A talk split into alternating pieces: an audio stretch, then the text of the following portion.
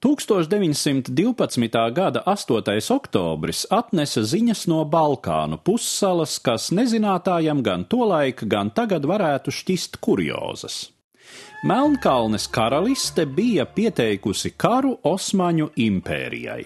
Melnkalnei tobrīd bija apmēram 9,5 tūkstošus kvadrātkilometru liela teritorija un apmēram 220 tūkstoši iedzīvotāju.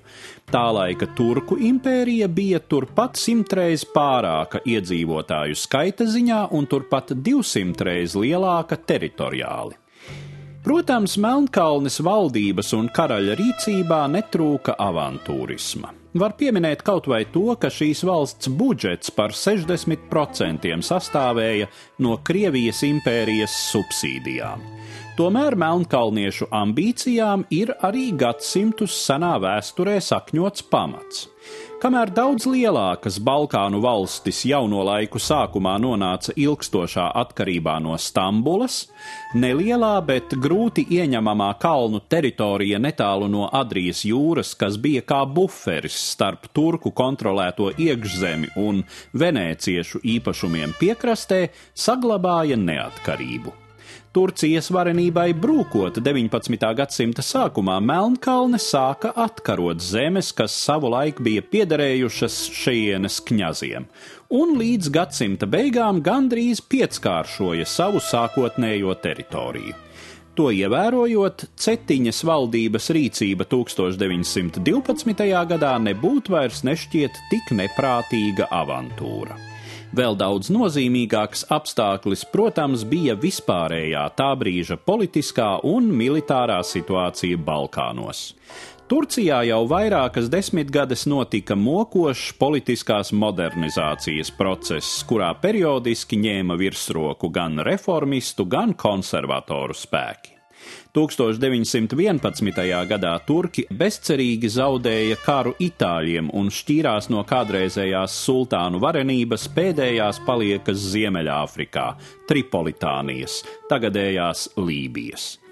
Tikmēr jaunās Balkānu valstis, kuras 19. gadsimta gaitā bija ieguvušas neatkarību, uzskatīja, ka tām ir visas tiesības uz Turcijas vēl kontrolētajām teritorijām Eiropā, kurās dzīvoja attiecīgi šo valstu nāciju piederīgie. 1912. gada vasarā Grieķija, Serbija, Bulgārija un Melnkalne izveidoja militāru savienību ar nepārprotamu mērķi uzbrukt Turcijai. Tātad Melnkalnes kara pieteikums Turcijai bija vien zināma politiska ekstravagance.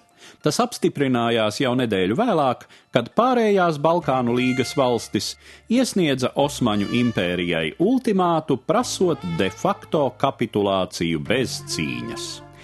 Minēto valstu spēki kopā ņemti krietni pārsniedza tos, kuri bija turku rīcībā impērijas Eiropas daļā, kurai pie tam tagad uzbruka no trim pusēm. Ātru armijas pārsviešanu no Āzijas efektīvi aizkavēja Grieķu kara flote. Daudzējādā ziņā sabiedroto armijas bija arī tehniski pārākas. Piemēram, Bulgārijai vienīgajai šajā karā bija gaisa spēki, tolaik lielākā militārās tehnikas novitāte. Tomēr galvenais uzbrucēju trumpis laikam gan bija morālais pārākums. Jauno Balkānu valstu karavīri burtiski rāvās cīņā pret gadsimtu apspiedējiem, kamēr turku armijai trūka vēlmes aizstāvēt kādreizējās impērijas varenības paliekas. Tomēr jau kara gaitā izpaudās arvien asākas pretrunas starp sabiedrotajiem, kuri katrs centās nokampt sev krietnāku kumosu no turkiem atņemtā. Teritorijām ar jauktu iedzīvotāju sastāvu, visvairāk tādu bija Maķedonijā, neizbēgami bija vairāki pretendenti.